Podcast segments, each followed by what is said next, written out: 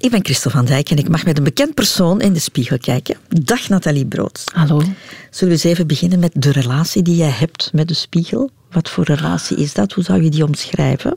Oh, een wisselende relatie. we hebben heel lang in onze badkamer geen spiegel gehad. Niks, dat was eigenlijk heel aangenaam. Is het waar? Ja. Was dat bewust? Nee, nee, ik had gewoon nog geen leuke spiegel gevonden. Maar nu is het ook maar een kleintje. Um, ja, toch wisselend. Um, S'morgens is die spiegel heel streng. en later op de dag is het misschien beter. Ah, ik vond eigenlijk uh, de periode dat ik nog een bril droeg, hè, nu heb ik uh, lenzen ingeplant, uh, vond ik dat s ochtends wel te doen, want ik had dan mijn bril niet op. Ah, ja. En dan kijk je wel wat vager en dan zie je de contouren minder. En dan, Ja, maar ja, ja die vraag heeft ook direct alweer te maken met ouder worden, hè? Ja. Spiegel. Um, ja, als actrice en, en, je kunt jezelf ook in films ouder zien worden. En eigenlijk vind ik dat ook mooi. Ik vind dat ook een mooi document. Dat je zo, zoals iedereen in zijn fotoalbums of op zijn gsm um, ehm, de evolutie ziet. En soms kunnen dat echt verfoeien. Hè? Ja. Je denkt, doe maar waarom toch? Ik heb de spiegel mee, Nathalie. We gaan er ook echt, echt eens in kijken. Hè. Kan je de vrouw beschrijven die je ziet? Um, ja, dat ben ik, hè, die vrouw. En um, ik voel me eigenlijk nu wel zoals ik ze zie. Een beetje moe, maar ik vind het hier ook gezellig. Dus ik ben eigenlijk ook wel blij op dit moment. Uh, wat ouder aan het worden, hè. Maar ik zie nog altijd het meisje dat ik was. En zolang, ja, toch wel, zolang dat ik die blijf zien, vind ik dat eigenlijk heel fijn. En wat zie je nog van dat meisje dat je ooit was? Iets, een, een verlegen kant, een um, zin in de dingen kant. Dat zit er nog. Iets uh, van, uh, zullen we iets gaan doen? Zo dan. Uh, is dat niet een beetje contradictorisch? Of een, langs de ene kant verlegen, maar dan toch ja, maar zit dat, er... dat is wel een beetje wie ik ben ook. Ik, ik, ik, als wij als ik met mijn ouders ergens naartoe ging wat een nieuwe situatie of een nieuwe plek was, ik zei niks. Ik durfde amper mijn naam te zeggen, ik zei niks. Het heeft heel lang geduurd voordat ik thuis de telefoon durfde opnemen. Um, en toch ben ik gaan spelen. Dus die, die tegenstrijdigheid heeft er voor mij altijd, is er altijd geweest. En voor mij voelt hij niet zo tegenstrijdig dan, dan dat dat blijkbaar bij mensen overkomt. Ik heb een, een privé, een, een binnenkant die ik niet met iedereen deel. Behalve als ik daar een, een vehikel voor heb, als ik daar een tekst voor heb of een situatie, dan kan ik vertalen wat er bij mij van binnen leeft. Mm -hmm. En ik heb heel lang gedacht dat dat voor iedereen zo was. Maar ik, ik denk dat er ook twee soorten acteurs zijn. Zij die heel extravert zijn en op elk moment heel veel mensen kunnen aanspreken, ja, on the spot, improviserend. En ik ken ook heel wat introverte acteurs. Die een tekst nodig hebben. Die een om... tekst nodig hebben, of die voorbereiding nodig hebben om iets te vertalen. Of, of um, ik ken eigenlijk veel introverte acteurs. Ja. Betekent dat ook, Nathalie, dat jij in je jeugdjaren toch wat op de toppen van je tenen moest lopen? Om, je was verlegen, maar je wou wel bepaalde dingen, dus je moest telkens wel iets overwinnen ja, ook. Absoluut. Ik ben ook een jaar naar het buitenland gegaan. Ik wou dat, maar ik moest mezelf daartoe dwingen. En, en dat heb ik soms nog, denk ik, ja. Er zijn dingen die ik wil en ik weet dat dat mij iets meer moeite of een klik kost, wat dat voor andere mensen niet is. En een vriendin van mij, haar dochter is ook eer, is heel intelligent. Op school gaat dat allemaal heel goed. En die, die, ik denk dat die dan op de rapporten niet meer zo goed weten wat schrijven. En dan schrijven die, maar je mag wel mondiger zijn of extraverter. En zij zei ook van, maar waarom? We leven echt in een wereld, terwijl mijn vriendin zelf is heel extravert. Maar ze voelt ook wat dat is voor haar dochter. We leven in een wereld waar extraverte mensen ja, sowieso meer plek nemen, want die zijn luider en meer aanwezig. Maar dat wordt als een hoog goed gezien. Terwijl ik vind van waarom moet iemand... Waarom moet dat? Mm -hmm. Bij een van mijn kinderen werd ook gezegd, ja, die, vriend, en dat was nog in de kleuter, hè. vriendschappen zijn eerder één op één, opent zich niet naar de groep. En ik dacht, ja, en dan? Dat is toch, de mensen zijn anders. Als iedereen tafelspringer is, amai, dat zou weer nogal onaangenaam zijn, denk ik. Ja.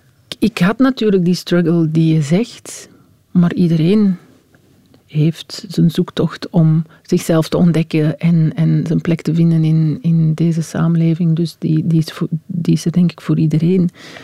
Um, maar omdat we in zo'n extraverte wereld leven, um, was het misschien voor mij wel iets meer een zoektocht. En mijn mama heeft altijd gezegd, blij zijn dat ze iets vindt wat ze graag doet. Want dan, ja, dan zijn ze in een omgeving met mensen die, die, die je begrijpen. En dat is natuurlijk een van de belangrijkste dingen in het leven. Gelijkgezinden vinden.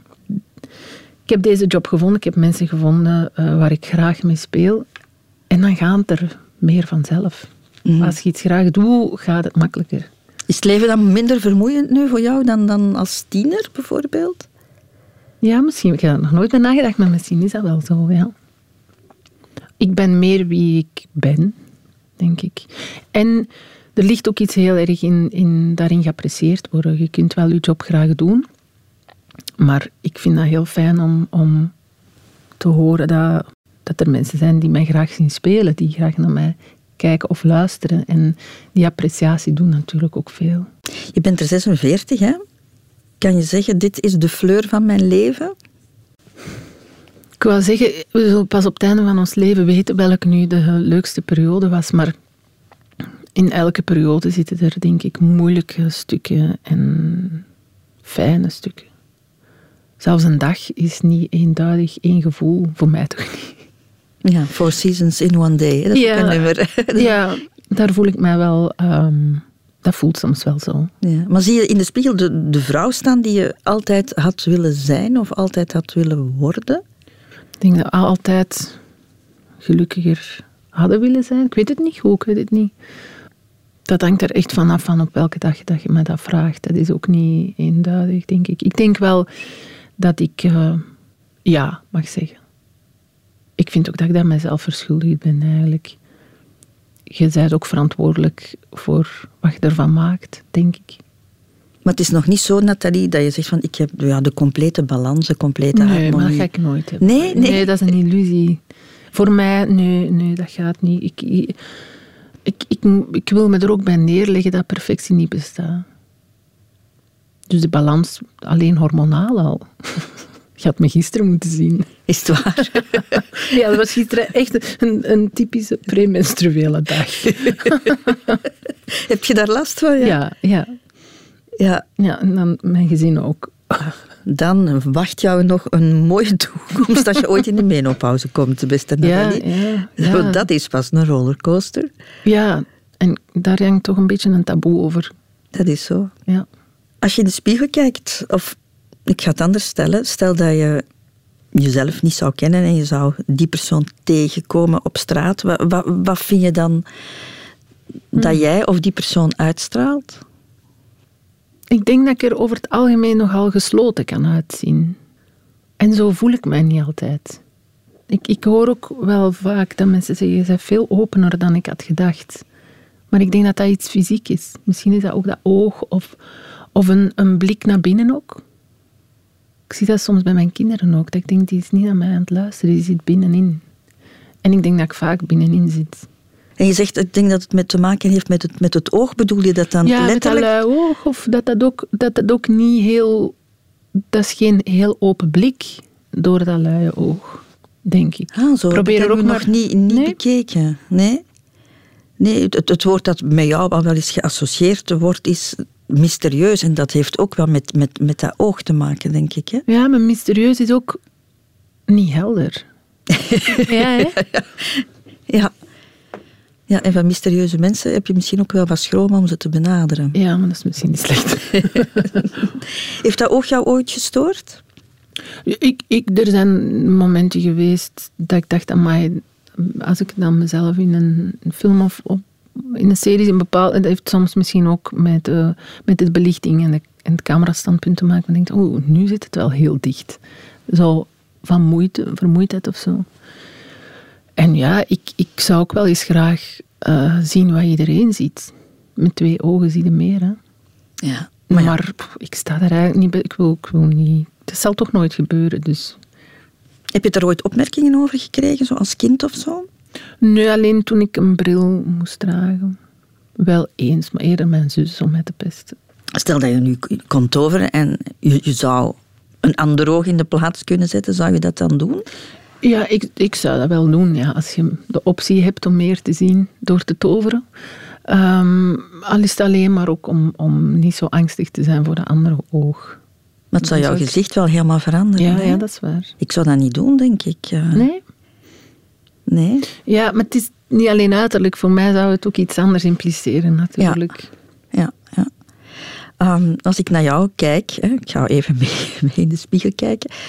Ehm, ik vind dat jij ook iets dromerigs of melancholisch hebt. Niet helder.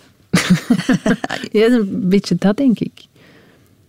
Ik, ik denk dat het eh, die blik naar binnen is of zo. Ik kan ergens zijn en ook heel ehm, ineens niet meer in het moment of niet meer geconcentreerd zijn door afgedwaald te zijn. Ik denk dat wel dat ik daar een, dat ik dat in mij heb, melancholie. Totdat jij lacht, hè? Ja, Want je hebt een hele, hele mooie lach, hè? Dank u. Dat weet je toch zelf? Ja, ik, maar, maar ik, er is ooit, dat, is- dat was echt erg, ik zat op studio, denk ik, en er stopte een auto en die, die, die er zaten gasten in, ik weet niet meer wie. Zeg, lacht eens? Ik heb ofwel lach ik, en ik ben ook blij met mijn lach, en, en ik, heb, ik lach veel en ik lach graag, maar ook zo fotografen of zo van lach eens en lach niet, dat is tegenovergestelde. Dat is zo, er zit precies niet veel tussen. Als ik niet lach, is het ineens boos heb Ja? ik de indruk dat mensen dat zo ervaren. Of ik zie dat ook aan mijn foto's bij mezelf. Dan, dan niet lachen is meteen niet alleen niet lachen, maar ook een beetje kwaad. Ja, en als jij lacht, dan breekt heel jouw gezicht open. Hè? Dat is zo de, de zon die doorbreekt. Ja. Eh, een Julia Roberts lach, kan ik het zo? Oh, dank u wel. Dat is de mooiste lach, de Julia Roberts lach. Je hebt ook een heel expressief gezicht, hè? Ja? Ik vind dat wel. Kan jij je emoties eh, wegstoppen op je gezicht? Ja, ik denk dat als, ik- als het me niet zint, dat je dat wel zult zien. Nu ga ik iets heel raar zeggen. Hè? maar ik hoop dat je begrijpt wat ik bedoel. Ik denk, ik denk hè, dat jij ook het, het, het type vrouw bent die er de ene dag allee, ravissant, stralend kan uitzien, maar dat jij ook zo... Dat is echt Snap zo. je? wat- De Ja, keer zei dat jij er ook... Ik weet niet waarom dat ik dat Ja. denk, maar dat jij er ook heel slecht kan uitzien. Ja, dat is echt zo. En dat is soms ook hormonaal. En, en, en dat hebben nog mensen mij gezegd. En toch heb ik liever dat. Ik neem dat echt slechter uitzien erbij als je op sommige momenten echt ravissant eruit kunt zien. Liever dat dan altijd zo wat de, ertussenin. En kan maar het is echt waar wat je zegt. Het is Ja. absoluut waar. Ik kan er dof uitzien. En daarom denk, denk ik elk jaar op het einde van de winter, of in de winter, we zijn weg. Want ik zie er in de zomer dan zouden wij eens moeten zien.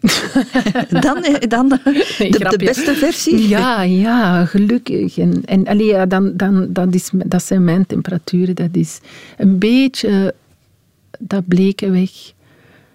Dan, dan heb ik het gevoel dat mijn ogen stralen. Ja, Ja. het is gewoon beter. Vind jij jezelf een aantrekkelijke vrouw, Nathalie? Op die dagen dat ik ravissant, wat je nu zegt, kan ik dat zelf ook vinden. Ja, dan ben ik echt tevreden met mezelf. Maar ik weet dat die andere dagen er ook zijn en die zijn er meestal meer. Ik ben blij met wie ik ben, ja. En is dat altijd zo geweest? Ook Nee, ik in zeg je eh, tienerjaren?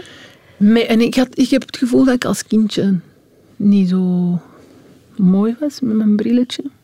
Ehm, maar mijn tienerjaren, denk ik, in mijn adolescentenjaren, ben ik denk ik mooier geworden. Vind je bevestiging belangrijk op dat gebied? Ja. Allee, niet overdreven, denk ik, maar ik denk dat dat belangrijk is voor iedereen. Gezien worden. Kan je dan ook zeggen dat bepaalde mensen jou mooier maken? Dat denk ik wel. Mensen waar je je goed bij voelt. Mensen met wie je kunt lachen, plezier kunt maken, jezelf kunt zijn. Die halen het beste uit jou in de straat. Ja, ja. Heb je het ook ooit al andersom meegemaakt? Ja, dat zal ook wel bestaan. Ja, ja, ja, ja.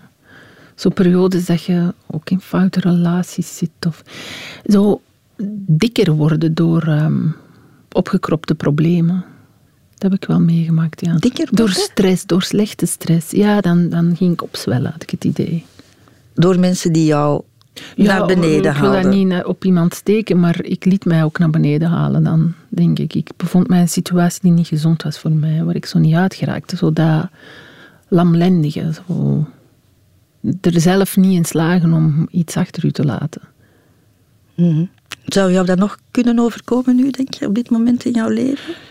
Ik denk dat die kans minder klein is, omdat ik het sneller zou herkennen. Maar die dingen komen altijd aan de andere hoedanigheden, denk ik. Die zien er altijd anders uit. Je zou dan denken van, dit doe ik niet meer. Maar ik durf dat toch niet met volle 100% te zeggen. Want dat kan er anders uitzien. Snap je wat ik bedoel?